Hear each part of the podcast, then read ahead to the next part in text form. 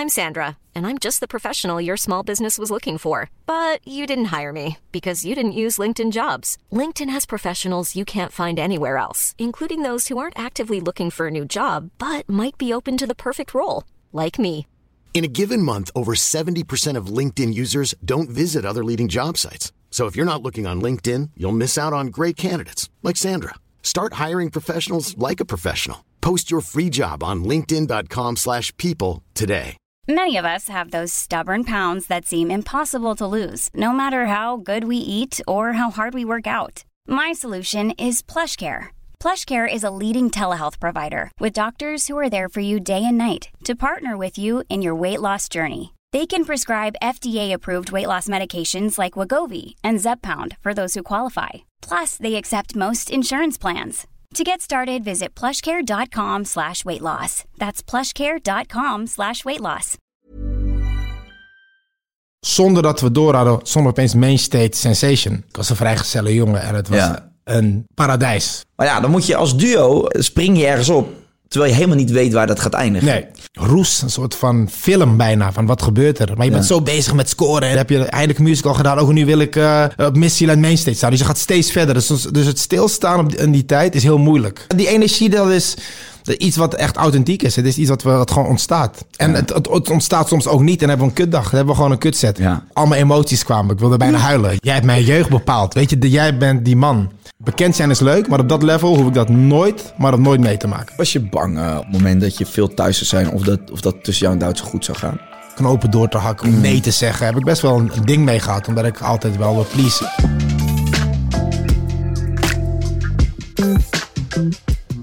Welkom bij Even Relativeren, de podcast. En deze keer met Sunnery James. Yes, het is gelukt, jongen. We Eindelijk. hebben contact gehad eh, het afgelopen jaar. Dan kon hij weer niet. Dan was hij weer daarmee bezig. En dan had hij weer geen zin. Dus weet dat jij je. weer op Ibiza. Oh ja, shit. Ja, dat is ook niet gebeurd. Maar het is gelukt. Het is gelukt, we zitten er. En we gaan er iets leuks van maken. Nou, leuk. Leuk dat je er bent, man. Ik eh, ja, kan natuurlijk weer heel eh, dramatisch beginnen met van... Ja, het was een zwaar jaar voor jullie. Artiesten, weinig gedraaid. Eh, maar ik wilde eigenlijk helemaal niet mee beginnen, want eh, daar komen we vast nog wel een beetje. Maar ik wil eigenlijk helemaal terug die tijd. En kijk, ik heb jou op een gegeven moment leren kennen. Waar hebben we elkaar leren kennen? Volgens mij kenden we al van voor elkaar. We snuffelden al een beetje aan elkaar online. en toen leerden we elkaar kennen in de Kuip, volgens mij. We elkaar Nee, toen nee, een, ik eh, denk Vrienden van Amstel. Oh. Vrienden van Amsterdam Ja, was het eerst, ja. ja. In de Kuip was het een, was niet een leuke ervaring. Want toen kregen we onze broek daar. Of met 3-0 of zo. wat Ik weet Nee, we hebben 6-2 was. van jullie gewonnen. Eh, ja, 6-2 of zoiets. Hebben we wel goed gemaakt twee weken later, toch? Zoiets? ja joh, maar luister. Het maakt ook verder laat niet uit. ons eens één keer genieten dan, want eh, dat was wel even een tijdje geleden. Ja, maar je ziet dat het kan, hè? Een ajax ziet en een eh Feyenoorder met elkaar. En het is toch liefde. Het is toch liefde. Ja. Nee, het was super grappig. Want Ja. we, hadden, we hadden, jullie waren eh, volgens mij echt al, al zes, zeven dagen bezig met Vrienden van Amstel. Toen, Ja, toch? klopt. Klopt, klopt. En wij kwamen elkaar daar tegen. En eh, toen gingen jullie, dat hele clubje van jullie ging de volgende dag naar Feyenoord Ajax. Juist. En jullie deden wel nog heel tof tegen mij. Van, ah ja, kijk, we zien Borgen wel. En ik had ook verwacht, oké, nou, we krijgen zwaar op onze broek. Dat is wel vaker gebeurd namelijk. En toen wonnen wij dus 6-2. Vrij uniek. En toen ben ik naar jullie toe gerend met de sjaaltjes. Het was echt heel pijnlijk, maar dat was terecht. Het was su- echt super terecht. hoor. Ja, dat was echt zo'n wedstrijdje. En we hebben in Falto nog een beetje gek gedaan, toch? Juist. Althans, jij met Ryan iets langer dan ik. ik, ik het licht ging bij mij iets eerder uit toen. Die, eh, Ja, maar ja, Ryan houdt ook wel knallen. hè? ja. Ja, toen hebben we voor JBL, jullie zijn natuurlijk ook ambassadeur, Ja. wij ook. Of ik ook bedoel ik. En eh, toen eh, hebben we elkaar... Zo, dat zou di- dit jaar, hè, dat was eigenlijk volgens mij het eerste tripje net voordat die pleurs Ja, uitbrak. jongen, het zou zo te gek zijn. Ja, gaat het door nog? Dit jaar? Ja, is, het is verschoven volgens mij. Ik weet dat, dat het enigszins weer gepland Ik is. denk dat we met de rechter in Den Haag moeten gaan lullen. Dan Ja, eh, echt, het voor elkaar. Mogen we naar de Alpen? nee, ik, eh, het, het staat nog steeds met dun potlood in de agenda. Maar ik ga er niet vanuit dat het doorgaat. Want in Frankrijk zijn ze ook best wel streng. Ja. Dus ik zie dat niet gebeuren, helaas. Maar ja, ik bedoel... ehm, ja, we hebben, het klikt tegelijk tussen ons. Ja, man. Leuk. We zijn bijna even gek.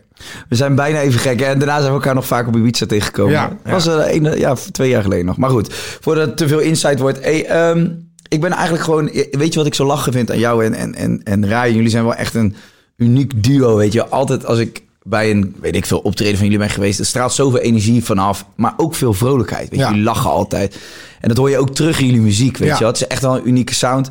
En ehm, hoe, hoe is dat hele proces begonnen? Want, want ik weet van Ryan toevallig, die vertelde mij dat jullie al van echt heel vroege vrienden waren. Ja, maar we zijn echt eh, als kinderen Ja, we hebben net nog niet in de zandbak gespeeld samen. Ja. Maar... eh, Opgegroeid allebei in Amsterdam, toch? Amsterdam, ja. Ryan is, heeft nog een eh permanent verleden, volgens mij. Wil hij, dat wil hij niet over hebben. Een horende permanent verleden. Zetten we in de titel. Ryan, dubbele punt, kom uit Purmerend. Maar in Amsterdam-Noord hebben we elkaar ontmoet. En ja, ik mag er een lang verhaal van maken. Ik was altijd aan het voetballen. Ja. Ja. op best wel hoog niveau, dus ik trainde veel. En mijn vader vond het eh, altijd wel belangrijk toen ik een bepaalde leeftijd bereikte. Van, hey, is leuk het voetbal, maar je moet wel weer leren wat werken is. Wat Ja. betekent om echt je centjes te verdienen. En wat betekent om 4 euro per uur te verdienen, zeg maar. Want waar speelde je op dat moment? Toen de tijd in de jeugd bij Ajax. Ja. dat is jong. En toen, heb ik, eh, toen ik echt met werken begon spelen ik, eh, bij Haarlem. Toen Haarlem nog Haarlem was. In de eh, hoogste divisie in de jeugd. Ja. Ging hartstikke goed. En toen verdiende ik altijd klein wat centjes. En eh toen zei mijn vader, dat is niet genoeg. Je moet ook weten wat werk is. Als het misgaat, moet je weten wat, het betekent om gewoon te, te werken voor je cent. Hij was bang dat je lui zou worden. Precies, dat Ja. wilde hij dus niet. En toevallig werk ik werkte daar. Even kijken, volgens mij een jaartje, anderhalf. En op een gegeven moment kreeg ik de functie van... hey, jij wordt stagebegeleider. Ja. En het moment dat ik die functie kreeg... echt een dag later kwam Ryan binnen om vijf voor zes. Op de laatste dag dat je een stageplek kon krijgen... met een, een, eh, gezamenlijke vriend, tenminste een jongen die je kende. Dus ik, ik luisterde gelijk, ja, ik heb even een stageplek nodig. Anders wordt hij het huis gegooid, zijn moeder is helemaal klaar met hem. Eh, sorry Ryan dat ik dit nu allemaal expose, maar ja, we gaan eerlijk zijn. En ehm, ik zei, weet je wat, ja, ik, ik neem hem aan. En die manager kwam naar me toe van, hoe weet je dat zo snel dat hij... Ik zeg, nou, ik ken hem wel vaag, dus... ehm, Ja. En toen dacht ik, die week was het weekend en maandag kwam hij. En eigenlijk vanaf dag één klikt op alle fronten. Humor, Want toen leerden jullie elkaar wel kennen. Dus Precies. voor het eerst. Ja, en we hetzelfde humor. En qua muziek kwam opeens erachter, wacht, verzamel jij house? Dat Ja. doe ik ook. En welke platen koop je dan? Oh, deze. Dus we hadden een enorme klik. ja. Dus daar hebben we twee weken gewerkt. We werden allebei ontslagen. Hey, en, en het feit dat jullie house eh, verzamelden, dat was Dat denk ik ook nog best uniek, toch? Dat was vrij uniek. Ik bedoel, niks te, niks, te- niks te nadelen van, tegen, van nu hoe het gaat. Maar toen de tijd was het gewoon echt zwoeg en ploegen om, de, om die platen eh, te krijgen. Weet je? Dus er waren bepaalde DJ's, Roog, Erik, Ja. Benny Rodriguez. Die kregen al die eerste vette tracks. En wij moesten echt werken om, om dikke platen te krijgen. Dus vroeg naar eh Rhythm Import en naar dance tracks. Om, en dat was alsnog kreeg je soms niks. Nee, die staan apart gelegd voor Roog. En ik, god, Oh, hoe werkte dat dan? nou, je had gewoon hiërarchie. Dus eh, je ging naar die platenzaken en dan had je de topjocks zoals Roog, Erik, wat ik al zeg, eh, Benny, eh Melly Mel zelfs toen de tijd en Ja. German S. Al die gasten, weet je, die kwamen dan werden allemaal, allemaal van die mapjes en zakjes. En wij stonden daar een beetje achteraf, hoe krijgen wij die platen? dus ik met mijn sociale skills. ik ging eh, elke dag naar die platenzak toe met Jeroen, die nu, oh, eh, Jeroen van Armada, die werkte bij Armada, was ook een DJ toen. Daar heb ik goede band mee opgebouwd. Toen kreeg ik stiekem al die eerste tracks ook. En daardoor krijg je Maar die tracks die stonden even, ik ga even... Hè, ik- die eh, tracks waren het op- belangrijkste als DJ om jezelf te onderscheiden. Maar Om- die stonden op een, op een plaat. op een plaat, op zo'n ronde, Zo'n ronde 12 plaat. inch vinyl. ja, waarmee je kon wapperen als je te warm kreeg. Was ook zo'n show element wat opeens wegviel toen ze kon je spaghetti erop leggen. Ja, ja, ik kon je even zo sexy zo met die... eh. Nou, dat was dus echt zwoegen. Ik ben naar België gereisd, naar Italië, Engeland... om die onbepaalde platen eh, te krijgen, om ze eh, ja, te verzamelen. Dus dat was toen een hele andere dynamiek dan tegenwoordig. Het was ook niet zomaar dat je een hit maakte en dan dat je overal stond. Weet je, het was eh, best wel, als DJ stond je in de hoek. En mocht blij zijn als je een eh, drankbon kreeg en een, eh, en, en, en een reiskosten. Ja. En dan was je blij. Dus dat was heel anders. Dat hebben we allemaal mee, wel mee mogen maken. Dankbaar dat we dat mee, mee mogen maken. Want zo, je waardeert dingen veel meer. Ja. Maar dat was het, onze tijd toen. Op straat, Amsterdam, rondslenteren, nieuwe platen zoeken. Naar alle platenzaken af. Die unieke platen proberen te vinden. Maar welke muziek En- luisteren jullie vrienden? Want ik kan me niet voorstellen Nou, dat toen, de iedereen al tijd, house toen de zat. tijd waren wij echt een vreemde eend en de bijt. Want Ja. in onze vriendengroep was het hip-hop en rap en R&B. Wat ik ook nog steeds tof eh, vond. Hè. Ik, ik luisterde dat ook. Maar om echt te performen en mixtapes te maken was house en UK Garage was toen echt ons ding. Ja, vet. En wij waren toen ook in de kleedkamer, kwam ik met die mixtapes, vonden ze helemaal niks. En dan zet ik muziek op, zeg, zet die herrie uit man, dat is niks. En eh, toen Rush, die Rush-avonden begonnen in, eh, van Chemistry. Ik weet niet of je die kent, die Rush-avonden. Nee, ik, was net ik- iets te jong. Ik denk dat ik daar te jong was, maar ik ken de, de naam ken ik wel. Ja, het was, toen was het, nou ja, ik kan het gewoon zeggen wat het is. Ik was een vrijgezelle jongen en het was Ja. een paradijs. Ja. Iedereen werd mooi, was mooi gekleed, mooie avond. En toen het kwam ook die doelgroep van eh, de R&B en hip-hop. Dacht, hey, die avond, de muziek vonden ze nog steeds wel leuk volgens mij. Maar die, de dames en de mensen, hoe ze eruit, dat, dat was, dat trok. heel de veel. sfeer goed waarschijnlijk. Dus toen werd house werd veel groter en groter en groter. Ik kreeg grotere festivals. Latin Village kwam op een gegeven moment aan. Die crossover tussen Urban en, en House was dat. Latin Village. Ja, Latin geweest. Village is het eerste festival waar dat echt gemixt werd. Heel belangrijk geweest voor die scene. En volgens mij in 2008, 2009 was echt zeg maar de, de kentering waarbij House het toen overnam. De dance het overnam van eh, de urban scene. Want het was een hele lange tijd urban. Ik lekker met Real Canario, Chucky, Ja. Melly Mel, al die gasten. En Jermaine S.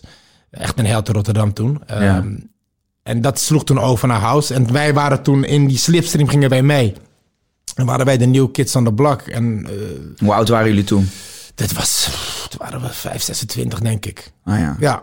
En tegen wat je nu ziet, dat kids van 18, 17, eh, zoals Martin Garrix Ja, bijvoorbeeld. Dat ja, is eigenlijk een product geweest van al die successen. Klopt. En dat is het hoogtepunt ook geweest, denk ik. Zelfs met die rap scene in Nederland, toch? De, de, de Tuurlijk, mensen die dat tien, tien jaar geleden probeerden, die eh, waren aan het zwoegen. En die, eh, Het enige wat wij dus wel omarmd hebben, is wat we ook met bepaalde collega's van die scene raakten best verbitterd. Dat, dat die scene opeens zo snel ging dat je als nobody opeens on top of the world kon staan. Maar waar, waarom ging dat sneller dan? Was dat ook niet gewoon door het tijdperk waar we in leven... je veel meer plek hebt om je muziek te pluggen? Er kwamen platformen als Hives. Ja. En heel snel was Facebook daar, eh, Instagram, noem maar op. Dus je, je kan jezelf op een dusdanige manier promoten. Want Ja. in, in die tijd van toen, ja, early 2000, 2002, was dat, dat, was dat er helemaal niet.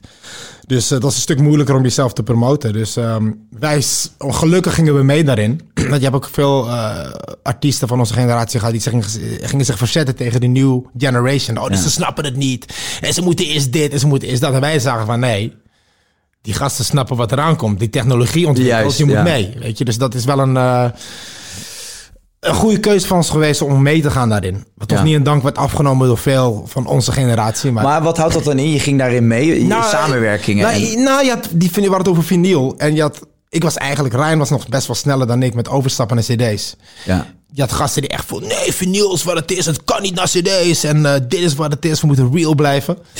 en toen merkte ik bij Ryan dat hij met zo'n tasje met, met cd's kwam. En ik bleef met die kratten tillen. En hij had twintig keer zoveel muziek bij als ik. Dus Ja. ik, ja, ik ga ook over. En toen Dus ik, jullie kwamen uit die oude generatie, Ja. maar jullie hadden wel nog steeds zeg maar dat, dat, dat, dat besef van, hey, er gaat iets anders aankomen en we moeten gewoon mee. Precies. En je merkte, je merkte die energie van die jeugd. En het, en het inspireerde heel erg. Weet je, van hey, die gasten die hebben eigenlijk een beetje scheid. Die trappen tegen dat Ja. oude systeem aan. En ik denk dat ze gaan winnen. Want uiteindelijk gaan zij het overnemen. Ja. En wij vonden dat leuk, gingen daarin mee. En eh, dat heeft in het begin best wel wat credibility gekost. Hier en daar. Maar eh, achteraf is het een goede keuze geweest. Ja. Zo, ik wou net zeggen. En Ja. die- die- want al die types die op dat moment zeg maar negatief waren over die nieuwe generatie, die, die zijn nou uiteindelijk toch ook gezwicht. Ja, je moest wel uiteindelijk. Maar ja, dan, dan val je een beetje tussen wal en schip, helaas. Maar dat is ook niet dat ik zeg van, oh, we hebben... Toen de tijd heb ik wel getwijfeld van, eh, wat gaat het, waar gaat het heen? Ja. Maar ik denk dat het enorm eh, belangrijk geweest is voor het internationale succes van dance. Ja. Want toen Getta en eh, de Swedish House Mafia kwamen, was het wereldwijd ontplofte natuurlijk. Ja. Ja. En, Ja, en, en, en ook grappig nog steeds om te zien is dat eh, eh, ik ben altijd, als ik in het buitenland ben, ben ik altijd een soort van trots dat Nederland zo'n exportland is voor de muziek Ja. en de dance-industrie. Ja. Maar ook niet alleen de artiesten, maar ook het organiseren van die feesten. Eh noem, ze eens even. Wat- is Mysteryland volgens mij in 25 landen georganiseerd en, en zo zijn er nog wel een aantal. nou, ik bedoel... la- Tomorrowland, hè, door de Is, is Stuttimes. vanuit, ja, is vanuit Nederland begonnen. ja. Ik bedoel, daar mogen we, ja, dat mogen we opeisen als Nederlanders. Het is natuurlijk wel in Amerika begonnen, in Chicago. Eh, DJ Pierre, die opeens plotseling eh, zijn discoplaat pitchte. En dat ging opeens op een eh, one, ja, de, de vier kwarts beat. Bam, bam, bam. En ja. dat werd een dingetje. Die gingen, dat gingen ze toen produceren. Acid House kwam toen. Maar dat is overgewaaid via, als het goed zeg, correct me if I'm wrong, ik ben nog steeds aan het leren ook. Hè. Ruling Diva was een, een groep, een housegroep. Ja. En die kwam naar Nederland. En die bracht die dus vanuit Amerika hier naartoe. En Nederlanders zijn nou eenmaal goed in organiseren. En Ja. dingen nog beter maken, professionaliseren. En hier is het echt gaan, gaan leven. De Roxy kwam, het werd een scene. En eh, ja, het is enorm mooi om... We zijn toevallig ook met iets bezig om dat een beetje meer in kaart te brengen, Rijn en ik. Documentatie. docu, ja. En dan merk je hoe belangrijk dit kleine landje Nederland geweest is voor die internationale dance scene. En je merkt het ook als je in het buitenland bent, waar je ook bent, al bij in Peru. Je ziet altijd wel een Nederlandse productie lopen. Klopt. Linksom, rechtsom praat je Nederlands backstage. En dat Ja. is, ehm, is mooi dat wij dat eh, ook. En we mogen het ook echt opeisen. Ja, absoluut. Ja. Ja, ik vind dat ook tof om te zien. En eh, het lijkt me ook wel heel erg maf als je dan... Je bent gewoon onderdeel van, van iets unieks wat in Nederland groot is geworden. Ja. En eh, wat vervolgens gewoon in alle landen eigenlijk deze- hetzelfde effect heeft. Je maakt mensen blij en, en, en mensen leven er naartoe. En je geeft mensen iets extra's in hun leven. Vooral nu in deze fase. Absoluut, ja. Merken hoe belangrijk dat zo was, belangrijk, toch? ja. Zo belangrijk. Het is enorm belangrijk. En dat, dat vind ik nog best wel zorgwekkend. Dat, dat er... Ik, ik hoor te weinig daarover. Ja. Ik vind echt dat... eh, in het begin dacht ik van ja, wat hebben wij nou te klagen? Ik, we hebben echt persoonlijk ook niks te klagen. We hebben natuurlijk goed verdiend. En er is een, we hebben echt wel een buffer om het uit te zingen. Alleen, daar gaat het nu niet om. Het gaat Nee. erom dat mensen echt... Het was een, echt een uitlaatklep voor mensen. Klopt. Barretjes, gewoon social, eh, social life, weet je, Ja. onderling. En je, ik, bepaalde DJ's, collega's die geen gezin hebben en echt daarvoor leefden, jongere gasten, die merk je echt dat ze er best wel aan onderdoor gaan. Ja, ja, die hebben zeker. alles, geven alles voor Ja. dat moment. En wat denk je van de generatie begin 20? Ik bedoel, eh, niet eens begin 20, ook jouw leeftijd. Mhm. Ja. Ik bedoel, jij bent rond de 30, denk ik. Ja. ik bedoel, Hey, je, thanks. Nee, maar je, nee, maar je wil, je wil, je wil, je, je wil toch even, ik bedoel, soms zit je ook te knallen thuis. Denk je van, gods, Nee, zeker. Het maar is ik, nodig. ik denk ook heel veel aan die gastjes en meisjes van, eh, van 18, waarvan ik denk, zo, toen ik die leeftijd was, man, ik had tegen een plafond aangesprongen, weet je. En dit is ook de plek waar je mensen ontmoet. En eh, weet je, je leuk allemaal Tinder en Ja. dat soort apps. Maar je, het leukste is toch dat je op een festival als een meisje eh, in, een- in een prachtig rokje zo voorbij zit huppelen. en Oh, helemaal ja. lekker zo in een, in een trance. Mooiste wat er is. Stop. Hè? nou ja, verdorie. Ik voel, ik voel het gewoon helemaal. Maar ehm, wat, ik, ehm, wat ik wel leuk vind is, jij op een gegeven moment, dus je leert Ryan kennen in die, in die fase dat jullie allebei jong zijn. Jullie blijken een, een, een gemeenschappelijke klik te hebben met betrekking tot, eh eh tot housemuziek. Ja. Maar ja, dan moet je als duo, eh, spring je ergens op, terwijl je helemaal niet weet waar dat gaat eindigen. Nee.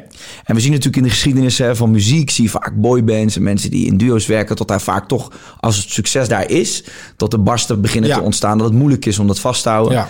En ik was natuurlijk met Ryan eh, twee weken geleden op Ibiza en ik heb met hem ook veel over gesproken. En bij jullie is dat gewoon al zo lang, zo steady. Ja. En jullie zijn gewoon, je kunnen lezen en schrijven met elkaar. Ja, absoluut. Want dat zei Kim, een vriendin van Ryan, zei ook tegen mij van ja, die twee gasten bij elkaar, dat is, daar kan gewoon niks of niemand komt daar Nee, ooit tussen. Het kan niet. Hoe, hoe, wat, is die, wat maakt die band bij jullie zo eh, speciaal? Ik denk hoe we elkaar ontmoet hebben. Wij zijn niet met elkaar begonnen om DJ's te worden, superstar DJ's te worden. Het is meer uit vriendschap ontstaan.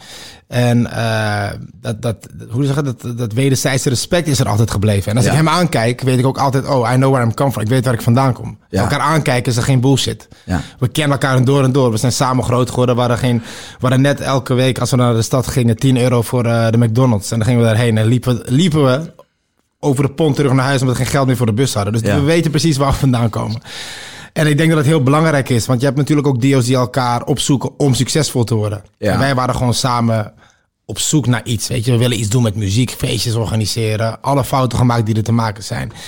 Dus ik denk al die, die, die, die eh, klappen die we samen gekregen hebben, dat, dat zien we ook bij elkaar terug. Dus ik, weet niet, ik vind het heel moeilijk om te omschrijven waarom het zo lang goed gaat. Ik denk dat we gewoon broeders zijn geworden in Ja. plaats van alleen maar matties. Het gaat veel dieper dan dat. Dus ik kan hem ook niet judgen. Ik weet waar hij vandaan komt, dus ik kan hem niet judgen. Weet Nee. je? We kunnen elkaar niet judgen, want we weten van... Hey, jij komt vandaar en ik begrijp jouw frustratie dan of zo. Ik weet Ja. dat ik even moet, met rust moet laten. Dus de irritaties zijn er, maar er is zoveel begrip... Dat, dat, dat je dat, het, het kan nooit breken. Die barstjes Nee. komen haast niet. Mooi Natuurlijk hebben wij wel eens eh, dat we elkaar bijna de haren willen vliegen. Tuurlijk. Ik heb nu ook iets meer haar, maar... nee, maar natuurlijk heb ik... Ik ben ook een pestkop. Ik Ja. ben iemand, als ik me vervelend voel, dan ga ik ook pesten. Ja. En ik weet dat hij daar compleet lijp van wordt. En dan vind ik het fijn, want ik krijg reactie. Dus, Natuurlijk. Dus, eh, maar hij begrijpt ook van mij dat ik dat af en toe nodig heb. Dus die zin... Maar wat is de rolverdeling tussen jullie? Eh, op welk vlak bedoel je? Dus, Ja, gewoon in je werk. Want je hebt, altijd, je hebt twee, toch twee verschillende karakters. Ik ken jou inmiddels ook een beetje. Ik ken Ryan ook. Ik weet dat Ryan zei tegen mij van... Ja, kijk, ik heb echt in het begin... En dan moest ik zo om lachen. Hij zegt, ja, Sun, die schaamde zich gewoon voor mij. Omdat ik gewoon niet in staat was... eh, open te zijn naar andere mensen. Ik wilde geen gespreks. Ik kon niet netwerken. Ik kon niks. En Sun die was bezig met iedereen. Die was dat aan het cheffen. En ik stond gewoon zo van... hij zei, nou, hij kon letterlijk... Ik ben blij dat hij tegen jou gezegd heeft. Maar Ryan was gewoon iemand... Jij komt heel spontaan naar hem toe. Ja. En, ehm, en hij zegt van, eh, goed gedraaid. En dan kijkt hij aan. En dan kijkt hij gewoon. En dan zag ik, en sta ik naast hem, zegt hij, wie is dat? Ik ken die gast niet. En dan sta, sta jij gewoon voor me. Dus die ongemakkelijke situaties, die heb ik allemaal moeten... Zo fucked up. Oh, en ik ben iemand, ik hou van, weet je, eh, contact. En heb je mij van, ja, eh, Ja. kan- ja, hoort je niet goed. En het is wel grappig, een anekdote, want ik, ik pushte hem van doe het nou, ga op mensen af. En toen, had hij een, toen draaiden we ook nog los van elkaar, dat is 2005, 2006, had hij een show in de Power Zone alleen. En ik, sta, ik stond volgens mij ergens aan in Rotterdam. En toen uh, ging en Gregor Salto toe. En Gregor was toen de tijd ook best wel introvert. Ja. En Gregor had een hele vette set gedraaid naar hem. Dus hij liep naar Gregor toe van... Um, hey, tof. En het was echt voor hem een opgave om daarheen te gaan. Hij zei, ja, ja hey, tof gedraaid, man. En Gregor reageerde zo van, ja, dankjewel. En liep door. Dus hij belde me. Die shit is niet voor mij. En ik ga hem kapot slaan. Ik word helemaal, ik helemaal gek. Zie je, het is niet voor mij. En, ik zeg, nee, je moet, Gregor is ook een beetje... Maar het heeft, het heeft best wel wat voor hem gekost om, uh, om daaruit te komen. Om echt outgoing te worden. En want hij is van nature best wel introvert. Maar hij is Dus, het een soort van moeten gaan leren. Maar hij heeft het dus wel geleerd. Want nu is, nu is hij wel uh, zwaar gezellig. En uh, je Niet kan hem overal mee naartoe nemen. af en toe kijk je echt op afstand van... Wauw, het kan Ja. verkeren, weet je. Het is echt dat ik soms zo'n timide, timide lijk naast hem. Dus eh vind ik wel mooi om te zien hoe dat ontwikkeld is, ja. Maar je hebt dus ook een beetje... Dus je hebt wel ook in het zaken doen... eh, heb je wel altijd een soort van, denk ik, eh, rolverdeling gehad. Ja. Waarin jij een bepaalde taak had en hij een bepaalde Ja. taak. Nou, ik ben wel meer op de volgende qua zaken doen. Want wat ik al zeg, Rijn is niet dat hij eh, geen zaken kan doen. Maar soms is hij gewoon heel zwart-wit. Dus hij, als iets krom is, dan Ja. zie ik ook wel dat het krom is. Maar dan denk ik, oké, daar komen we later op. Maar gaan dat het krom moet het gelijk rechtmaken. Waar je door vaak niet verder komt. En dat is gewoon wel een... Hij houdt me heel scherp. Ja. Ik ben wel vaak degene die eh, naar de zakelijke gesprekken gaat, ja. Ja. Ja, ja. Mooi. zeggen. Hey, en op een gegeven moment, ja, weet je, wat jullie doen werkt. Het is een succes. En ehm, ja, dan komt er een fase dat je gewoon het gevoel krijgt van holy shit, we zijn met iets bezig. En volgens mij gaan we er. Ja, ik weet niet eens of dat je gedachte was, maar succesvol. We, we- het lukt gewoon.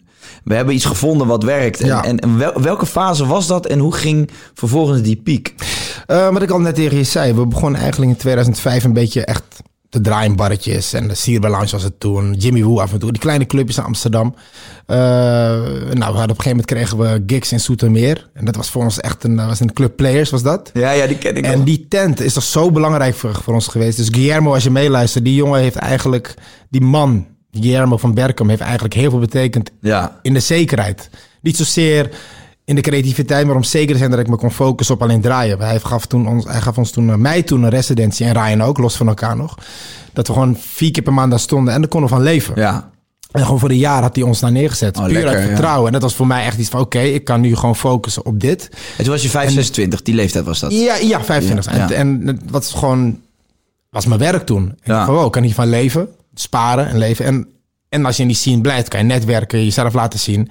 En dat ging vrij vlot. En op een gegeven moment kwam het geld dus best wel hard. Het ging steeds harder, harder, harder. Maar het was op een gegeven moment een game. Je bent dan jong en je alles kan. Ja. Dus dikste auto's, je gaat maar door, doorgaan. Je slaapt niet thuis, je, gaat, je blijft maar hangen. Ja. En het was gewoon één groot feest. En we waren niet, waren niet eens echt bezig met, oh, we gaan internationaal doorbreken. Het was gewoon genieten, sparen en gek doen, weet je. En ehm, toen op een gegeven moment stonden we, zonder dat we door hadden, stonden we opeens Mainstage Sensation. Ja. En, we, en dat was ook allemaal in een roes. En toen stonden we daar, dus we hadden die opening show gedaan. Echt, de, de doeken gingen open. Wij stonden daar, Sunny Ryan, Amsterdam, een Sensation. was Ja. het hoogtepunt in Nederland. Ja. Dus we waren met die show klaar. Ik weet nog precies het laatste moment. Ik liep die trap af naar beneden. En ik zei tegen mezelf, Sun, wat nu? Ja. Je hebt binnen 2,5 jaar het dak bereikt in Nederland. Niet normaal, hè? Wat nu? Dus vanaf, de, vanaf dat moment van de players tot Sensation, daar heeft twee jaar tussen. 2,5 jaar. Ja, Zo. we hadden al eerder Sensation gedaan op de VIP. Dus dat draai je binnen. was ook een, best wel een big thing. Maar toen we op die middenstip stonden, was het echt van... Wacht even, binnen, eh, we zijn 2,5 jaar eigenlijk begonnen. En nu staan we... Dus Sensation IDT is natuurlijk een heel belangrijk, Ja. belangrijke partij voor ons geweest. Ehm, die ons de kans gegeven heeft om dat te doen. En het- ons geluk was... Swedish House Mafia stond die avond daar. Ja. En wij dat weekend hadden wij een, show in Bloemendaal. En Laidback Luke had, hem mee, had Steve Angelo meegenomen naar Bloemendaal.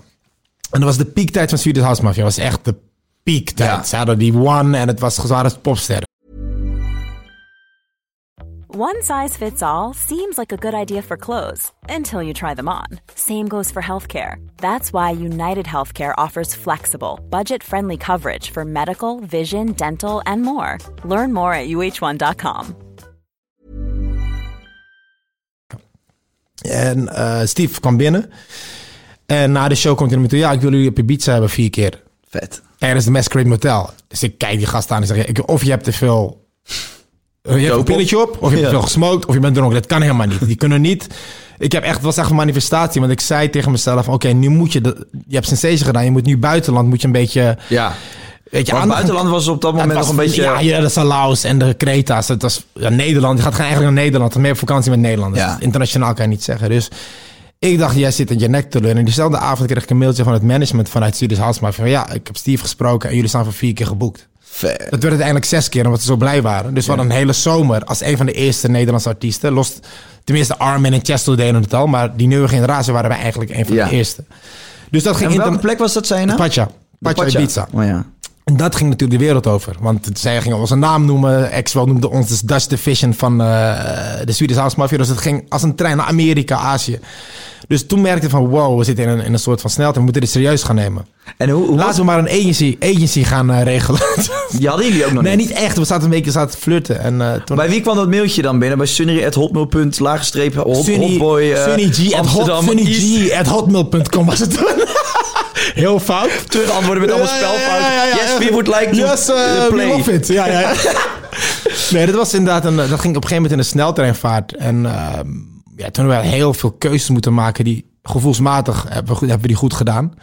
En eh, ja, de rest is history eigenlijk. Toen begon het goed te gaan. Releases op het label van Steve Angelo. Um, Rim Morillo, eh, rest, in, rest in peace, die eh begon ons te boeken. Niet normaal, hè? Dat is echt Ja. een legend. Ook op Ibiza Ja. was ook gewoon, was echt gewoon raar dat hij dat. Ja, ik weet, ik heb jou toen even gesproken voor een paar maanden Ja. geleden, want jullie kennen hem natuurlijk goed, maar hij heeft ook een belangrijke rol gespeeld in jullie carrière, toch? mega belangrijke rol. Kijk, en het is heel na dat er allemaal, hoe het nu gegaan is natuurlijk. Hij leeft in een vrij, dubieuze wereld af en toe natuurlijk, dat weten we. En Ja. Man heeft, heeft geleefd voor de dance scene. Ja. Eh, dus los van zijn persoonlijke dingen, op, op, op, op, op basis van succes en, en support, kan ik hem nooit eh, de rug keren. In die zin. Nee. Hij heeft zoveel betekend. Hè, Toen hij ons een echt begon aan te raken, los van de Swedish House Mafia, kregen we in New York ook gelijk de Rob Fernandez. Die is ook overleden. Dat is bizar. Ja. Dat was de grootste promotor in New York. En die zag dat Morillo ons aanraakte. Dus die gaf ons gelijk een residentie in, in Pacha, New York. En die Ja. begon te bouwen aan ons, weet je. Dus in die zin zijn Steve Angelo en Erik Morillo al twee gasten die ons wel internationaal ehm, eh, ja, op de kaart gezet hebben. Ja. Oh, wat een, wat een, Ja. wat een. Kan je, kan je nog wel eens, zeker nu, weet je, het afgelopen jaar heb je natuurlijk voor het eerst dat je uit die, die van die trein bent afgestapt. Ja. Zit je dan wel eens op de bank en zit je dan eens te denken, hè? Want, want je hebt het nu nog over New York en de Pasja op Ja. Ibiza, maar laten we even eerlijk zijn, wat daarna nog allemaal is gekomen van Tomorrowland, Ja, niet normaal, niet LA normaal. en noem het Ja, ja. allemaal maar op, ADE. Hoe kijk je terug op die tijd? Heb je nog, weet je nog veel of is veel ook gewoon een soort roes geweest? Nou, ik weet wel heel veel dingen nog. Ehm tuurlijk, dat, er zijn heel veel dingen tussendoor geweest die af en toe op foto's en filmpjes terug. Oh ja, dat hebben we ook nog gedaan. Maar als je doelt op wat ik qua, ehm, zeg maar, hoogtepunten nog voor me zie. Ja. Ja, zijn het er wel, zijn er niet heel veel. Dat ik dacht van, wow, dit was bijzonder. Natuurlijk wat je zegt, Tomorrowland Sensation, Mysteryland. Tijdens Dirty Dutch was het uh, de Chuck. Dirty Dutch, ja. Ik, die ma- trouwens, was van Chucky, ik, toch? Ik ga er overheen, maar Chucky is inderdaad in die Sensation tijd en super belangrijk geweest. Ja, Dirty Dutch, ik ken het Eh, nog, ja. Chucky en zijn broers eigenlijk, die zagen ons in Susanmeer. Tijdens uh, Guillermo komt de broer van Chucky. Die, zei, Maar die, woont- Chucky woont op Curaçao, toch? die is terug, die woont nu weer in Nederland. Maar die heeft een tijdje Aruba gewoond. Oh ja, Aruba. Maar Chucky had natuurlijk een mega platform, Dirty Dutch, toen onder IDT. Ja. En dat, daar kregen wij een enorm platform. En, Ja. ehm, dus als ik zeg IDT moet ik ook zeggen Dirty Dutch. Want daar, daar zijn we wel groot geworden, weet je, op het platform. Ja. En ehm, ja, die tijd was gewoon best wel een soort van roes, een soort van film bijna, van wat gebeurt er. Maar je bent zo bezig met scoren en doelen. Ook wil, oké, dan heb je eindelijk musical gedaan. Ook nu wil ik eh, op Missie Land Mainstage staan. Dus je gaat steeds verder. Dus, dus het stilstaan op, in die tijd is heel moeilijk. Nu, nu op dit, dit moment terug zit je langzaam op YouTube filmpjes terug te kijken van, oh ja, dat hebben we gedaan. Maar de echte iconische dingen wat ik zeg, dat was onze eerste drie uur set in de Heineken Musical. Dat was de Dirty Dutch Aftershock, maar die stond dan in het teken van ons. Dat was echt de kick-off van, eh van Sun en Ryan in Nederland, zeg maar, als soort van jullie zijn echt standalone artists nou. Jullie, hebben geen, eh, support, jullie zijn geen support act meer. En ehm, dat is een belangrijke geweest. Sensation natuurlijk. Missyland, Mainstage. Maar het zijn volgens mij, als ik het zo hoor, zijn het vaak de eerste momenten geweest dat je denkt, oké, we hebben dit nu bereikt. Dan Ja. sta je erbij stil. Ja. Maar dan, dan, dan ben je op het succes en dan wil je het vasthouden. Maar is het dan nog net zo bijzonder? Ja, het is misschien een beetje een clichévraag, maar voel je nog dat je voor 30, 40, 50 of 5000 mensen staat? Wat, wat, Wat voel je als je bijvoorbeeld bij de vierde keer Tomorrowland dat die mainstage daar oploopt? Nou, het gekke is... Want ik sta aan de andere kant altijd, helemaal uit mijn naad. Uh, nou, een goede vraag. Het gekke als DJ, dat, misschien ligt het aan Ryan en, eh, en hoe ik in elkaar zit. Ehm, het maakt eigenlijk niet uit of er 30 man staan of voor 40.000 man. Wij krijgen altijd iets over ons heen als we in die DJ-boot staan. We hebben zelf die livestreams gedaan waar niemand voor je neus staat. En dan zie ik me nog steeds bewegen als een, een, een of andere... Hoe het, hoe het zo'n poppetje een auto. Die heen en Ja, ja zo'n marionettenpop. Ja, die. Ja. Dus eh, het, het gebeurt gewoon. Als wij samen in die boot staan, gebeurt er gewoon iets tussen ons twee. Het maakt niet uit of er 40.000 man voor. Natuurlijk is de, eh, Maar dat is synergie. ervaring qua 40.000 man die energie geven anders dan 30 man. Alleen wat wij voelen als we draaien, dat verandert in principe niet. Maar Nee. dat vertaalt zich echt ook in de muziek en in de sfeer die er hangt Ja. in de zaal. Dat ik zeg, begin van deze podcast, als, als ik bij jullie eh, optredens ben, dan voel ik dat ook. Ik word gewoon vrolijk. De, Ja. Die piste hè, valt eraf. Toen waren we, stonden er 300 man of zo. Ja, maar dat en, was eh, fucking gezellig. Ja, precies. En het is heel moeilijk, want eh, het, staat, er is licht. Het is, ja, je staat in je, je snowboardpak, je, je skipak. Sta je, ja, hoe krijg je de sfeer erin? Ja. Er ging daar nog een rookbom af, weet Ja, je nog? Dat, dat- dat mocht toen helemaal niet of zo. Had iemand al een rookbom afgestoken. Ja, we gingen toch filmpjes maken. Ze gingen filmpjes maken, een soort aftermovie. Ja. En toen was die, die regisseur van, van dat, die die video maakte, die had echt gewoon twee van zulke rookbommen gepakt.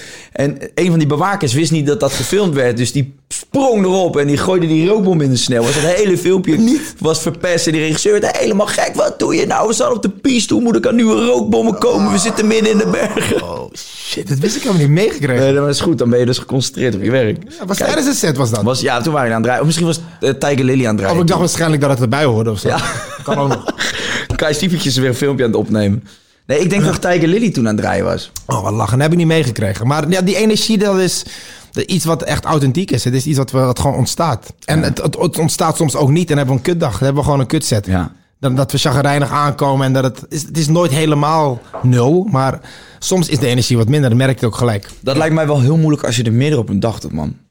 Ja, dat, kan, dat is best zwaar. En daarom zeggen die DJ's vliegen alleen over in jets en zo. Maar in de zomer is het soms gewoon, is het gewoon essentieel om die energie te geven. Ik, ik vind het ook niet leuk om alleen maar ruggen uit te geven aan een jet. Maar soms, als je dan een paar shows doet achter elkaar, dan is dat best wel belangrijk. Anders moet je door de douane, wachten, koffer.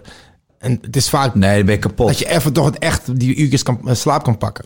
Dus ja. Ja, nee, Ja. kan ik me goed voorstellen. Je hebt op een gegeven moment, eh, ja, je begint dus bij de Players in Zoetermeer. Ja. En dan heb je op een gegeven moment gewoon je eigen residency in, eh, in, in, in Vegas hebben jullie tijd Ja, gestaan. absoluut. New York, al die tijd. Kijk, als jij het hebt over die tijd in Zoetermeer... en het ging toen al van God los en eh, feesten en beesten... Ja. Ja, dan wat gebeurt er op het moment dat je als twee jonge vrienden gewoon dit succes bereikt en je gaat naar al die mooie grote landen en steden en je komt veel bekende mensen tegen. Ja. Hè? Heb je nog een paar van dat soort mooie verhalen? Ik, ben zo, ik, ik heb wel van dingen van Ryan Ja, ook ik, gehoord. weet ik, ik- kijk, name droppen vind ik nooit echt. Nee, ding, maar het is wel. Ik ga één ding zeggen en dat is. eh, wij waren, ik woonde toen in New York. Ik heb vijf, zes jaar gewoond en op een gegeven moment waren we op een feestje en ik zat daar gewoon. We zaten aan een tafel, Ryan en ik, ehm, wat vrienden en een promotor van de club en JC en Dr. Dre komen zo binnenlopen. Het is een kle- kleine, klein groepje. En Ja. JC had ik wel een paar keer al een beetje een hand geschud en zo, maar Dr. Dre is voor mij een soort van Ja, tuurlijk man. living God, weet je. Dus hij, en Starstruck, en nu weet ik wat het betekent, want ik heb het nooit echt meegemaakt. Maar toen hij binnenliep, ik kreeg echt, al mijn emoties kwamen. Ik wilde bijna huilen. Ik denk van, jij hebt mijn jeugd bepaald. Weet je, de- jij bent die man. Ja. Dus ik schud hem de hand en hij, hij het natuurlijk miljoenen keren op, op een dag. Ik zeg van, ja, jij bent gewoon voor mij de, de guy, weet je. Ja. En zegt, nou, I'm just, I'm just a beatmaker. I'm nothing more than that. Weet je, hij is heel down to earth en heel chill, weet je. En, toen ben ik- en dat heb ik wel gezien. Je hebt altijd iemand op een bepaalde plek staan als je iemand adoreert. Maar vaak zie je gewoon, we zijn allemaal van vlees en bloed. En we, zijn allemaal, we hebben allemaal dezelfde struggles en de, en de, en de hustles eh, gedaan om te komen waar je, waar je dan bent. En, ehm, Maar is, het- ze ze zegt ook wel eens never meet your heroes. Was dat, was dat bij hem ook zo? Of was die, of was die, vond je hem in het, vond je hem in het Bij hem vond ik hem nog cooler eigenlijk. Ik heb wel een andere artiest waar ik dacht van... nou, ik had van jou wel een hogere pet op. Ja. Die naam ga ik niet noemen, maar ehm, dat, was, dat vond ik wel jammer. Daar heb ik alle albums van en die heb ik toen leren kennen. En toen dacht ik van, jezus, ik had jou echt veel hoger zitten. Maar Ja. muzikaal nog steeds een held. Alleen op persoonlijk level waren wij niet, eh, van dezelfde DNA. Nee. Maar dat is wel grappig, want ik denk dat heel veel mensen zich dat niet realiseren op welke plekken eh, jullie eigenlijk allemaal beland zijn. En Ja. eh, vooral daar als je op een gegeven moment in Amerika, volgens mij, ik denk dat daar de meeste dingen gebeuren als je daar. Ja. En Miami, LA, Ja. dat soort plekken, dat, dat zijn ook gewoon plekken waar veel mensen zich ophangen, maar waar ook gewoon veel gebeurt. En die hele industrie is daar huge. Wat, wat, wat, voor, wat voor situaties ben je allemaal in beland? Wat zijn echt dingen als je denkt van zo, als ik ooit een boek zou schrijven over onze carrière, dan zou ik deze, zou ik deze anekdotes vertellen. Ja, ehm Ja, weer, zo- weer gaan nemen erop. Zie je, dat is niet leuk. Nee, maar weet je, oké, nee, ik, ga het even, ik ga even ingrijpen, want ik weet... eh Ryan en Sunny zijn allebei bijzonder bescheiden. dus het ligt, hij wil dit niet, ik wil dit horen. Want ik, vind het, ik hou van sappige Nou, verhalen. ik ga je een heel sappig verhaal vertellen. Kom maar, dat is wel leuk. En dat zou ik ook zeker in een boek zetten. Wij waren op de Fashion Week. Ja. eh, waren ook gedraaid. En eh Douds had een show voor Balmain. Ja. En eh, er was een afterparty in een of andere club in New York. En Beyoncé was daar ook. En die vond het leuk om mee te gaan. ja. Dus, Ja, die afterparty. dus wij gingen daarheen. Eh, het was toen een beetje, volgens mij, een beetje oneenigheid tussen haar en Kim Kardashian. Er was een soort van vibe tussen Kanye en Jay. En wij zaten er gewoon met die. En de bodyguard van, eh, van Beyoncé is een Nederlandse jongen. Ik weet niet of je dat weet. Oh, echt? Nee. Ja, dus Julius ken ik ook wel jaartjes. En dus daardoor is het contact ook best wel dichtbij. En ehm, we zaten daar in die club. En op een gegeven moment komen die Kardashians, dus Kourtney en Kim... en een hele reute met kwam binnen. En Beyoncé zegt opeens tegen mij... Dus ik, ik zat... Het was wel grappig, want we zaten daar.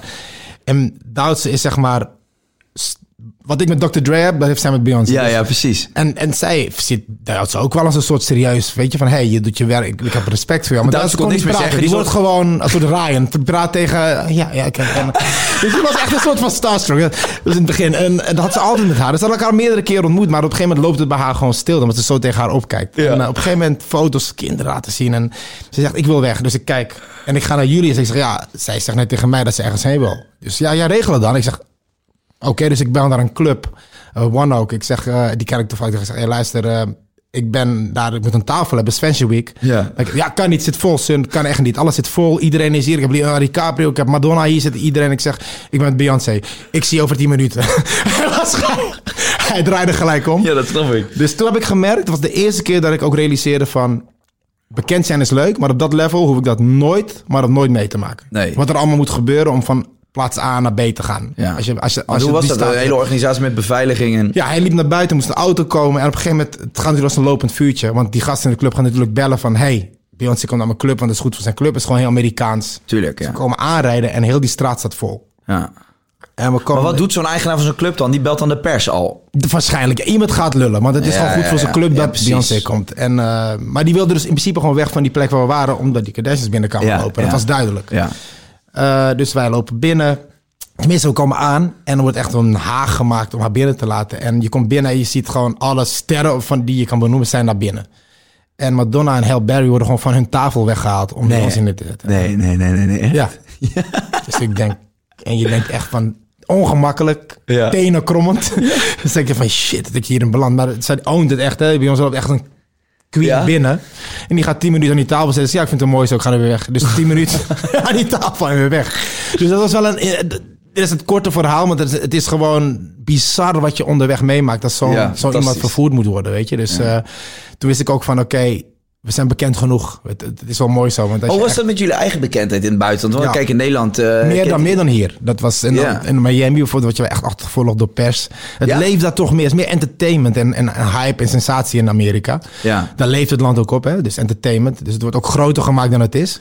Maar in Nederland heb je af en toe, het is Nederland is lekker nuchter, weet je. Gewoon onze Nederlanders. Dus het, is, Ja, in Nederland is dat toch anders. het Het- gaat tot een bepaald niveau. En Maar dat vind ik wel leuk. En dat is prachtig, Kijk, jullie, jullie zitten er middenin. Maar ik kijk, ik kijk er als buitenstaander En ik vind het gewoon wel vet. Jullie, jullie maken dit soort dingen mee. En de helft eh, van de mensen die jullie kent in Nederland... hebben volgens mij helemaal geen idee... in wat voor, wat voor werelden jullie Nee. eh, hebben gezeten. ja, we zijn niet echt van de selfie waar je bent. Nee, nee, dat zijn jullie helemaal nee, niet. Maar nee. dat, dat siert jullie ook. En dat vind ik alleen maar mooi. Want eh Rijn zat ook nog een verhaal te vertellen over eh, dat hij ging fietsen in Amsterdam... volgens mij met Leonardo DiCaprio. ja, ja, en ja, ja, ja. Ja, dat is toch, dat is toch Maar mooi? dat is ook wel mooi voor Nederlanders, hè? Want dan, dan heb je Leonardo DiCaprio die dan een winkel binnenkomt en dan... eh, oh, je bent Leonardo DiCaprio zeker? Ja, leuk man. ja, moet je gratis bonen. De asperges in de aanbieding. Hey, if you take a picture, Leo. Het boeit niemand. Het boeit niemand. Dus het is wel mooi hoe dat, hoe dat werkt. En, eh, Ja, dat, ja, van leuk. Ja, Robert bijvoorbeeld is ook iemand die niet echt hard wel. Die, Ja, ja. Een leuk, leuk verhaal op Ibiza. Hadden we gedraaid samen en eh, Justin Bieber was daar. En we waren backstage in die Ushuaia, ken je ook wel. Ja, ja, ja, ja, een zeker. feestje met z'n allen aan het doen. En Justin Bieber kwam met vijf bodyguards binnenlopen.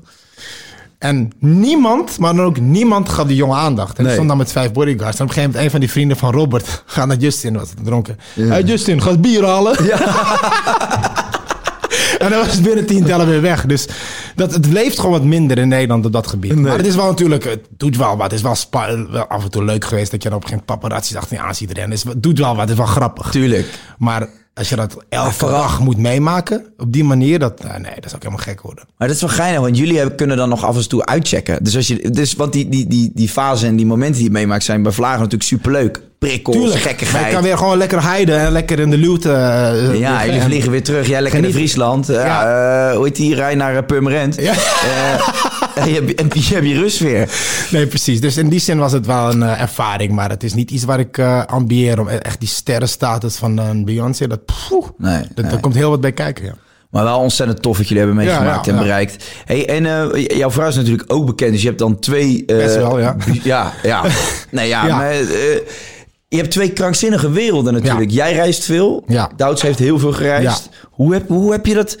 Hoe, ja, hoe doe je dat, man? Hoe manage je dat? Nou, kijk, deze tijd waar we nu in zitten, la- laat natuurlijk wel.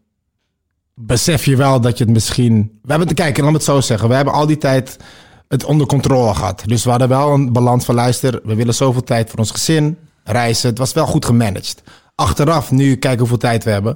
Denk ik, het is natuurlijk gekke werk. We hebben natuurlijk wel een soort van. Want hoe vaak zag je elkaar dan?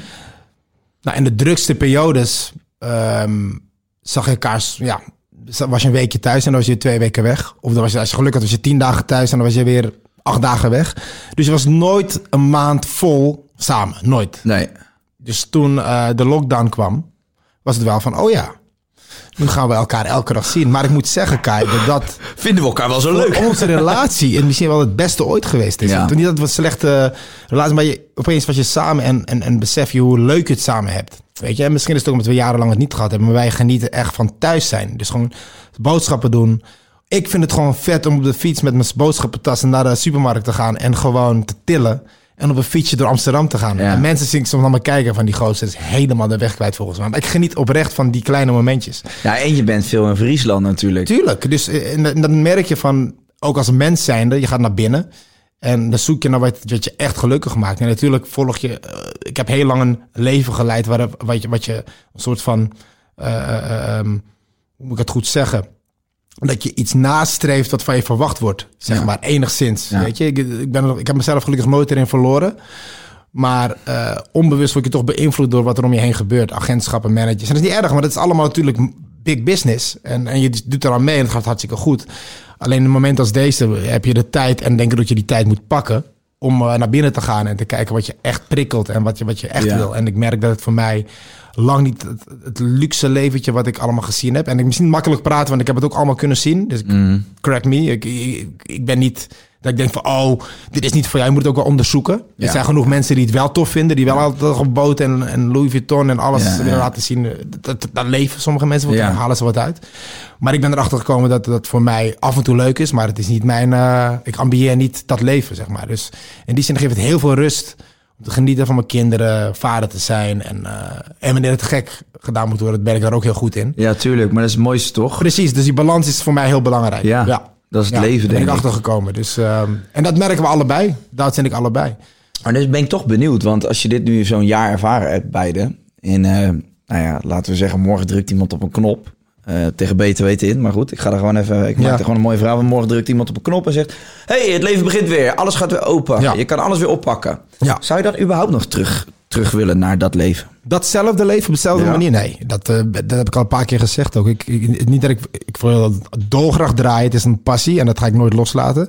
Maar de manier waarop, hoe ik het ingericht had, dat gaat drastisch veranderen. Dat wordt echt, eh, het wordt vanuit thuis. Thuis wordt de basis. En eh, vanuit daar gaan we kijken waar tijd is voor het toeren. En eh, ik ga me heel veel, we zijn ons heel, heel druk bezig in de studio. We hebben echt zoveel nieuwe muziek gemaakt. En niet alleen house, ook andere dingen.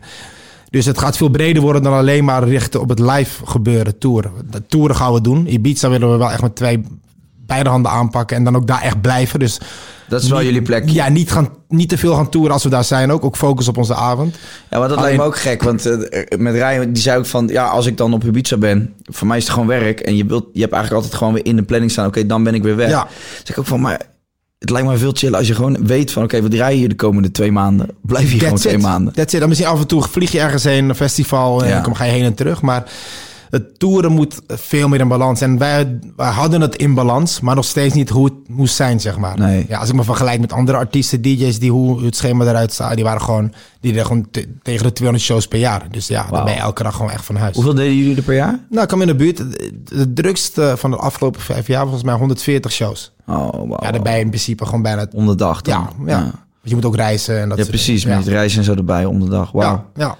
En ehm, dat... eh, ah, is, dat, is dat überhaupt... Ja, het is fulltime, want je leeft nog. Je zit tegenover Ja. me. Maar hoe, Nou. hoe houden jullie die balans dan? Want ik, ik- kijk, ik zou dan... eh, ik zou het heel moeilijk vinden bijvoorbeeld om te letten op niet te veel drinken. Niet te veel meegaan naar afterparties. Of, of wordt dat op een gegeven moment... eh, krijg je daar toch wel een soort van... Dat je denkt, ja, ik heb al zoveel gezien en gedaan. Dat is het. Je leert ermee omgaan. Want in het begin was ik ook eigenlijk, toen we net begonnen te draaien, geen verantwoordelijkheden, geen vrouw, geen kinderen, geen vriendin. Was het gewoon vol gas. Gewoon Ja.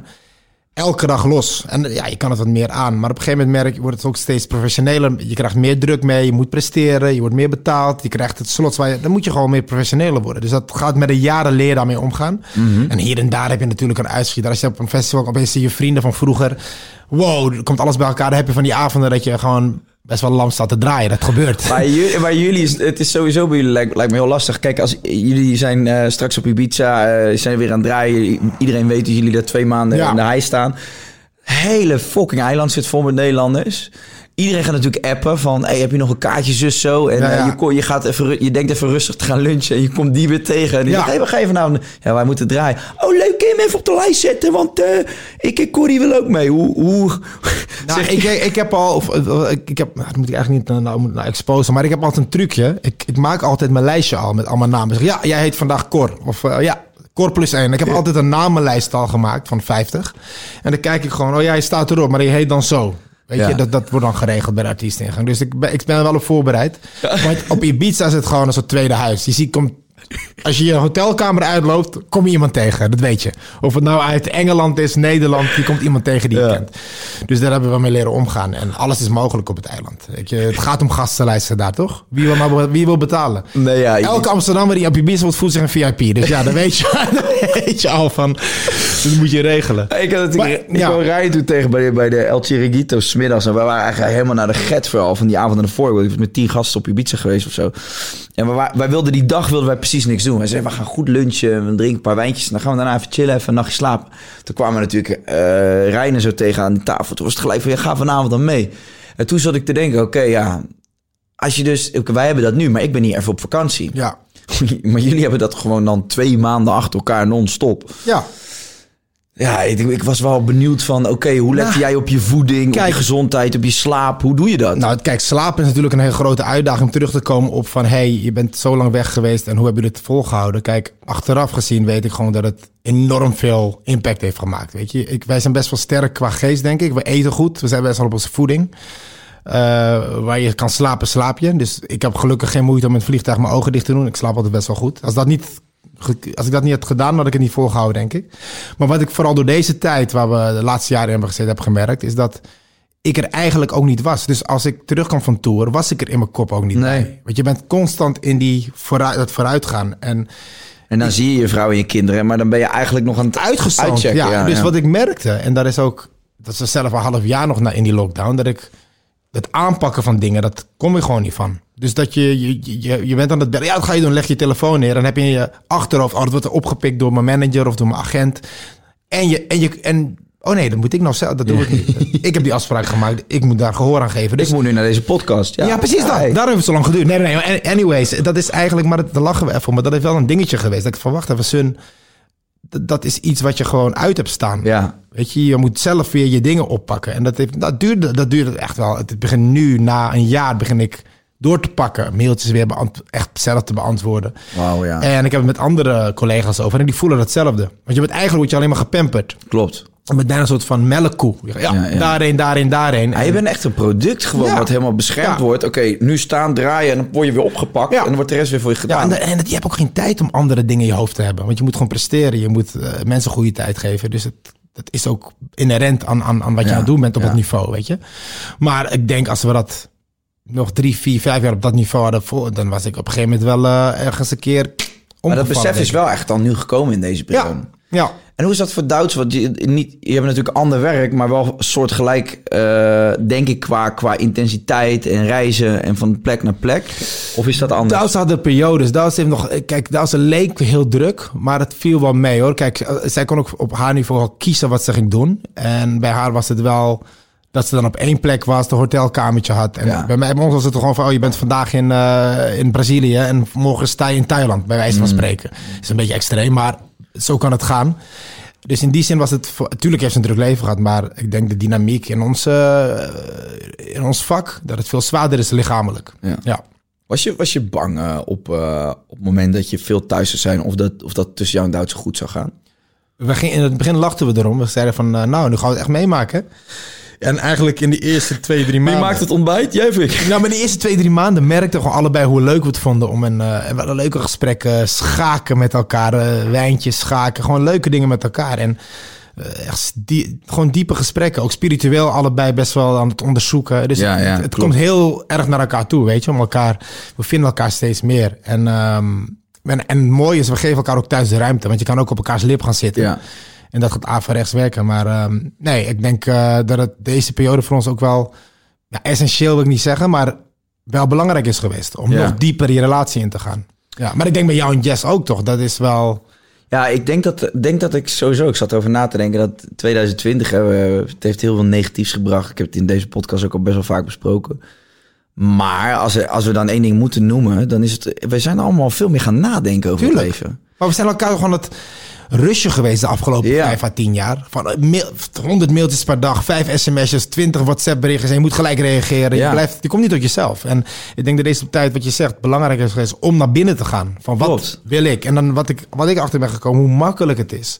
Als je tot die, dat gevoel komt van jezelf om dingen los te laten. Ja, om echt gedachten te zeggen. In liefde, hè? Niet eens in, van het ligt niet aan niemand, het ligt aan mij. Weet je, Ja, dus het is gewoon niet dat ik jou nu de rug keer. Ik, ik, die energie wil ik voor mezelf houden. Dus Precies. dat voedt mij niet. Dus, ja, ja, ja. ja. En dat is ook een hele andere. Veel meer die koorden aan het knippen, toch? Ja. Van die niet nodig hebt. En wat voor mij nog steeds een ding is, ik vind heel, ik, ik heb heel veel moeite gehad met confrontatie. Om zeg maar knopen door te hakken, om Mm. nee te zeggen. Heb ik best wel een, een ding mee gehad, omdat ik altijd wel wil pleasen. Ja, Ik hou van mensen helpen, maar soms help je mensen juist niet om. Ja, ja, en dan niet, weet je. Dus Mm. dat had ik wel. En deze tijd heeft, ja, gaat een sneltreinvaart hoe ik dat eh, oppak. Hoe kwam... Hoe Wat kwam zullen we dit doen? Eh, nee, sorry. Oh, nee, nee, nee, sorry. Ik vind het een aardige vent, maar ik kan het echt niet doen. Nee. Ja, ik hoef ook geen reden te geven. Het voelt gewoon dan niet op dat moment goed. Dus dat, daar ben ik hoe ging je in allemaal bochten wringen om dat te Ja, ik zeggen? ga even nadenken, maar dan laat je het liggen, weet je. Dus eh, daar ben ik wel duidelijker in. En hoe is, dat, hoe is dat ontstaan dan? Want wat, wat is het moment geweest dat je dacht van... Oké, nee, ik moet nu... Nou, het wordt, het, kijk, op een gegeven moment kom je uit, eh, uit een druk leven en je hebt opeens tijd. En die tijd is heel lekker, want je kan opeens slapen in je bed, je zijn eigen bed wakker worden. Maar toch voelde ik ook in de eerste weken die druk nog steeds. Maar dat had allemaal te maken met dingen die ik nog had lopen Ja. en mailtjes die ik moest beantwoorden. En toen ging ik kijken van, mijn son, wat kan je nou echt doen hier? Wat heb je nou echt nodig? Wat gaat dit je brengen? Wat... En dan dacht ik, oh ja, zeg gewoon even gedacht. Je hebt tijd nu. Zorg dat de tijd naar jezelf gaat. In plaats van al die lijntjes en dingen die nog hangen. Ja. En ga naar aan jezelf werken. Dus dat is een beetje de trigger geweest in die eh, eerste twee, drie maanden. Eh, ik werd ook heel creatief. Ging allemaal dingen doen. Begon een beetje te zingen. Andere muziek te maken. En dat gebeurde gewoon heel veel met mezelf. Ik waren ook, eh, en, en het grappig. De eerste weken waren Douws en ik op thuis wel, maar wel op onze eilandjes. Want we waren allebei een soort van het Ja. wijken. Of van, hebben we nou echt rust? We echt, weet je, gewoon wakker worden. En wist, we, wisten in het begin natuurlijk ook niet hoe lang het zou duren. Nee. Dus je zit heel de tijd, ja, het zal maar een maandje zijn. Daarna moeten we weer. Precies. En naarmate je ziet van, wacht even, hier gaan we nog wel even inzitten Ja. met z'n allen. Dan ga je ook naar binnen. Ik, ben ook, ik heb ook gewoon eh, een haptonoom gebeld. Van luister, ik wil even gewoon even spiegelen, weet je. Ja, Gaan ja. zitten en dan komt er zoveel uit. Wat heel interessant is. Van wow, wacht even. En dan ben je nog meer, nog meer. Je gaat lezen. Ik ben heel veel gaan lezen. En dan merk je van, wacht even. Eigenlijk heb ik de, de laatste tien jaar heb ik mezelf eigenlijk op pauze gezet. Weet je? Ja. Om mezelf te ontwikkelen. En wat ik merk, dat die ontwikkeling zo hard gaat. Als je dan even die tijd voor jezelf neemt. En dan word je hongerig en dan meer en meer en meer en meer. En uh, dat proces zit ik nu in. En als je dan nu naar alles wat je hebt geleerd eh, de afgelopen, het afgelopen jaar en terugkijkt naar het verleden van wat vond je wel tof, wat vind je op dit moment resoneert minder met hoe je nu in, eh, in de wedstrijd staat. Hoe zie je de toekomst nu voor je? Nog even, laten we zeggen dat we even los mogen denken van de coronamaatregelen. Gewoon. Dat alles weer gewoon als. Ja, denk gewoon in, denk in, gewoon in vrijheid. Hoe dus- zou je leven het indelen nu? Um, ik, ik, ik, ten eerste zou ik me voor, uh, echt eerst aan mezelf denken. Want ik ben er gewoon achter gekomen. Je kan het vaak zeggen. zeggen ja, je moet eerst aan jezelf denken, dan helpt die rest. Maar ik snap ook dat, dat gevoel erbij nu, wat het echt betekent. Want je kan het heel makkelijk zeggen, maar het voelen is een tweede. Dus als, iets, als ik iets voel en ik heb er energie voor, dan, dan pak ik het met beide handen aan. Want dan krijgt, bijvoorbeeld als jij me vraagt om iets te doen. En ik voel van, ja, ik heb er geen kracht voor, maar ik wil hem helpen. Dan zou ik het niet doen. Als nee. het me energie geeft en ik voel dat, dan ga ik er vol in. Want ik van oké, dan kan ik oprecht helpen. En dan heb ik me. En dat, daar wil ik me op focussen. Dus de energie, of het nou draaien is, of het nou uh, met mijn vrouw uh, lekker rollenbol in bed is. Geen zin in, heb ik geen zin in. Komt weinig voor. Maar, maar je snapt wat ik wil zeggen. Het, het, moet echt vanuit mezelf komen. En niet zozeer dat ik, ik iets doe om, om te pleasen. Het moet echt ook mezelf pleasen als ik iets doe. En dat is iets waar ik mezelf uh, waar ik achter ben gekomen dat ik heel vaak heb gepleased om het pleasen en niet echt dat ik zelf er iets uithaalde. Ja, Het, is wel, het is wel bijzonder, want we zijn eigenlijk gewoon een soort van... Uh, we luisteren eigenlijk helemaal niet meer naar ons gevoel, toch? Het belangrijkste. Ja. Als je jezelf wegcijfert, is ook alles wordt nep. Op een gegeven moment, als jij iemand helpt zonder dat je jezelf iets bij voelt, is het eigenlijk heel nep. Mm. Want je doet het eigenlijk om een reden. Niet om je dat je jezelf ook echt iets uithaalt. Nee, klopt. Natuurlijk kan je soms intentie is niet goed. En soms kan je heus wel iemand helpen, gewoon, weet je, uit de brand helpen. Omdat je nee, als, maar als het, mens, het is een ander verhaal als, als ja, iemand ja. zijn huis in brand staat te zeggen, hey, ik, ik heb je nu nodig. Maar, nee, maar ook zakelijk heb je gewoon, dat is een goed voorbeeld denk ik. Zakelijk ging je vaak achter, oh, die biedt het meest en dus we gaan voor die actie. Maar ik ga nu kijken naar, oké, wat vind ik tof? Nu kan er misschien een club zijn in Miami, die biedt misschien drie keer minder dan een, een, een club in, in Houston bij ja. zo spreken. En denk ik, oh, dan ga ik voor het geld. Nee, dan ga ik liever naar die club in Miami waar ik echt iets uithaal, waar ik plezier heb in wat ik doe, dan dat ik alleen achter het geld naar ren. En dat is nu misschien makkelijk praten vanuit een positie waar wij in zitten, maar dat is wel iets waar ik. Uh, als ik, als ik zeg de komende 10, 15 jaar wil ik nog, dit nog doen, dan wil ik het wel zo benaderen. Ja. Anders als ik achter het geld aan ga blijven, ben ik binnen vier jaar klaar, denk ik. Ja, ja dan ga je, ga je ja. volhouden. Ja. Hey, en, en je hebt het natuurlijk over, je hebt veel tijd met Duitsers, maar natuurlijk ook gewoon voor je gezin het algemeen, ja, voor de kids. Zo mooi. Ja. Hoe is dat dan? Want het lijkt me fantastisch als je daar ineens gewoon, dat je, dat je niet zo gehaast hoeft weg te rennen steeds. Nou, dat stukje, wat we ook samen ervaren, dus met z'n vieren, niet alleen vanuit mezelf, maar je voelt het ook vanuit de kinderen, gewoon die energie samen, het lachen, de humor, de verhalen, om naar, echt naar elkaar te luisteren zonder dat je vluchtig bezig bent. Dat is niet in geld uit te drukken. Dat is gewoon, waar, daar gaat het om. Het is heel cliché, maar dat is echt waar het allemaal om draait. Weet je, dat je die spiegel die je krijgt van je kinderen, het is gewoon lachwekkend soms. Hoe je dan dingen van jezelf terugziet. Ja.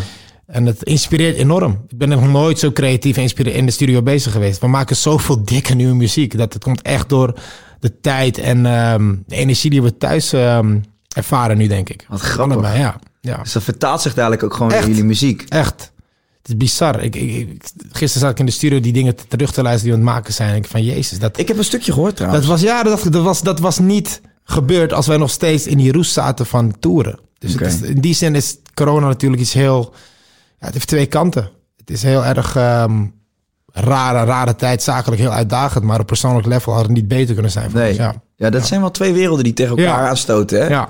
Maar ook goed om je, als je, als je verdrinkt in een frustratie, zakelijk gezien, goed om te denken van oké, okay, privé heb ik er op dit moment wel heel veel aan. Ja, nee, ik denk, maar dat, ik denk dat heel veel mensen uiteindelijk toch wel uh, gaan waarderen wat deze tijd ook persoonlijk voor ze gedaan heeft. Maar je, je komt gewoon jezelf tegen in deze tijd. Zo, of je, maar echt, of je het nou wil of niet, kom jezelf tegen. Ja. Dus ik weet niet of er een hoger plan achter zit. Hey, het is de Great Conjunction. Ja. 21, uh, 12, 220, Jupiter en Ja, Saturnus ja, en ja, één nee, maar we zitten echt. Ja, ik ben, ik, ik ben niet. Ja, misschien zwe, ja, ze noemen het zweverig, maar ik, ik geloof echt dat er veel meer is dan wat we kunnen zien. Tuurlijk, man. Weet je, ik bedoel, we kunnen wel heel nuchter blijven van, oh ja, maar kom op.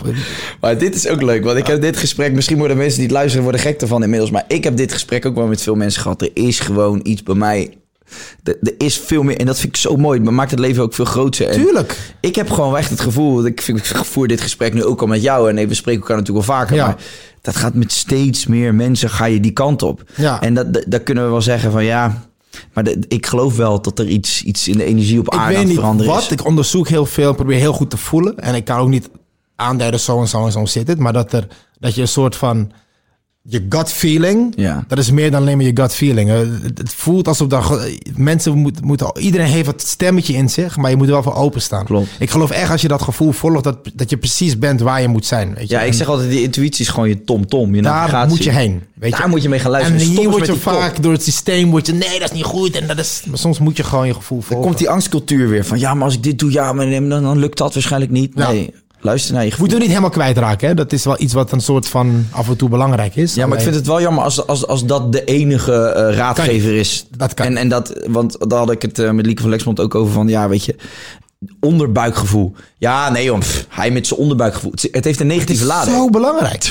dat is We zijn toch Niet correct. Waarom hebben honden, die, oh, die zijn intuïtie, die, hebben, eh, die voelen dingen. Precies. Waarom voelen wij niks dan? Een hond voelt precies wanneer jij een hondenliefhebber bent of niet. Precies, maar wij voelen zo. niks. Wij mensen hebben dat niet. Ik bedoel, dat is iets wat we ook... hebben we wel, maar ja, wij, wij, wij, wij, wij luisteren er niet Ja, naar. en het wordt vaak een beetje weggelachen en dat soort dingen. Maar ik moet eerlijk zeggen dat hoe ik mijn gevoel nu volg en dingen die ontstaan. En het is, het is heel gek. Het is eigenlijk dingen die je, die je kan voelen, die zijn er eigenlijk al. Weet je? Ja. Het is een soort van vibratie wat je voelt. Nou, Daarmee moet het gewoon volgen. Ja. Soms zijn je acties zijn heel raar als je die maakt om je heen. Ja. Voor jezelf make, it, make, it makes all sense, weet je. Dus, Maar dan kom je ook weer terug bij wat je net zegt. Als het met jou resoneert en jou een goed gevoel geeft en jij krijgt er energie van, dan is wat de buitenwereld daarvan vindt helemaal niet meer relevant. Precies. En laten we een voorbeeld geven. Stel je voor, jij komt, hey Sun, ik, ik heb dit en, eh, en ik voel dat resoneren.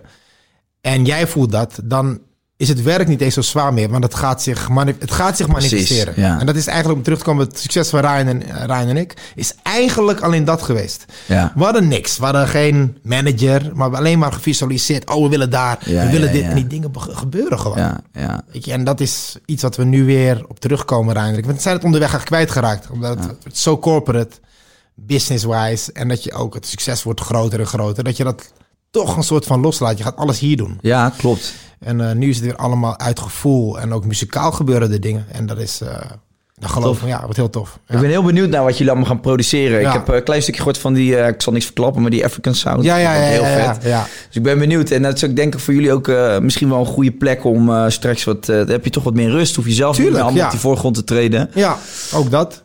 Ben benieuwd hoe dat gaat uitpakken, man. hey, eh, ja, Sun, ik ga je heel erg bedanken, man, voor je Ging komst. het, ging het zo snel, Ja, joh. Jezus. Ik kom nog wel een uurtje. Wanneer gaan we weer afspreken? maar dit is wel gezellig, hè, dat Ja. mensen dat altijd zeggen van... Ja, ben- maar echt bijna iedereen zegt dat. Ik voel me bijna schuldig dat ik het dan afkap, maar... eh, Nee, maar je bedoelt het ontzettend leuk. Echt, ik heb twee dingetjes gehoord van je, voordat ik moest even luisteren. Maar echt tof, je bent echt jezelf. En thanks, man. ga zo door. Leuk om te horen. Ja, ga zo ga door. Ik zeker, ga ik zeker doen. Ja, en we leuk. komen, elkaar, ja, we komen elkaar wel weer tegen privé. En kom, eh, kom nog een keer langs. Over Ja, een leuk. tijdje. Doen we gewoon goed. een recapje. Hè? Zeg maar. En dan draaien we gewoon het, eh, het formuliertje om en zeggen... Waar zitten we nu dan? Hè? Ja, Met we die nu intuïtie. van- de intuïtie even meegemaakt. Vertel nog eens wat even bij ons. Hey, dat, dat krijg je niet horen, die name dropper van de Sonny James. Hè? Dat krijg je, Mag ik wel iets over... Het is wel handig als ik iets over Beyoncé in de titel zet. Maar ik zeg, ik zeg wel... Hij is geen name dropper, maar vertelt een verhaal over Beyoncé. ja, zoiets. zoiets ja. nee, het was, Nee, ik maar, had maar, maar het was ook een mega ervaring. Dat, toen ik dat zag hoe dat allemaal ging, dat was echt... eh, Tuurlijk, maar Ja. dat is toch... Jongens, jullie hebben een gewel- geweldige carrière. En Ja. dit soort dingen horen erbij. Het is Ja. ook leuk om over te vertellen. Maar het ziet jullie wel dat jullie eh, inderdaad daar- nooit zelf foto's ja. van online zetten. dat is ook voor diegenen die om je heen zitten. Als je daar, weet je, die, Nee, die maar wachten daar niet op ook. Weet nee, je, dus, ja. dat is heel netjes van je. Dit is wat tof, leuk. Thanks. Hey, eh, doe vrouwliefde groeten. Dat zal ik doen. Ik En zal er even elkaar- triggeren dat zij hier ook binnenkort komt zitten. Ja, leuk man. Ik heb de gevraagd. Ze zei van, ik wil nog even... Nou, ze wil eigenlijk helemaal eh, Nee, even geen media. Ze is echt moedertje eigenlijk. is zo mooi om te zien. Ja. Maar, eh, ja, maar wel. ze moeten het ook weer alleen doen als het gevoel goed is. Ja, En, eh, klopt. laat maar weten. Hey, eh, jullie bedankt voor het kijken en luisteren. En tot de volgende keer. Ciao. Hoi, hoi, hoi.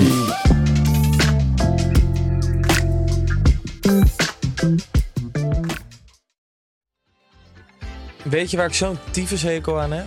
Toeristen, als het te druk is in de stad, zelf koken. Ja, alles wat je nu zojuist benoemt. En daarom maken jij, denk Daan Hogevorst, Ja, Robert Rodenburg. een podcast waarin we alleen maar klagen. Want klagen is het medicijn tegen het collectieve leed wat maandag heet. Dus elke maandagochtend een nieuwe te horen op je favoriete podcast-app.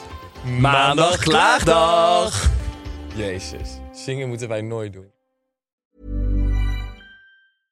Imagine the softest sheets you've ever felt. Now imagine them getting even softer over time. That's what you'll feel with Bowl and Branch's organic cotton sheets. In a recent customer survey, 96% replied that Bowl and Branch sheets get softer with every wash. Start getting your best night's sleep in these sheets that get softer and softer for years to come. Try their sheets with a 30-night guarantee. Plus, get 15% off your first order at bowlandbranch.com. Code BUTTERY. Exclusions apply. See site for details. Planning for your next trip? Elevate your travel style with Quince. Quince has all the jet setting essentials you'll want for your next getaway, like European linen, premium luggage options, buttery soft Italian leather bags, and so much more. And is all priced at 50 to 80% less than similar brands. Plus, Quince only works with factories that use safe and ethical manufacturing practices. Pack your bags with high-quality essentials you'll be wearing for vacations to come with Quince. Go to quince.com slash pack for free shipping and 365-day returns.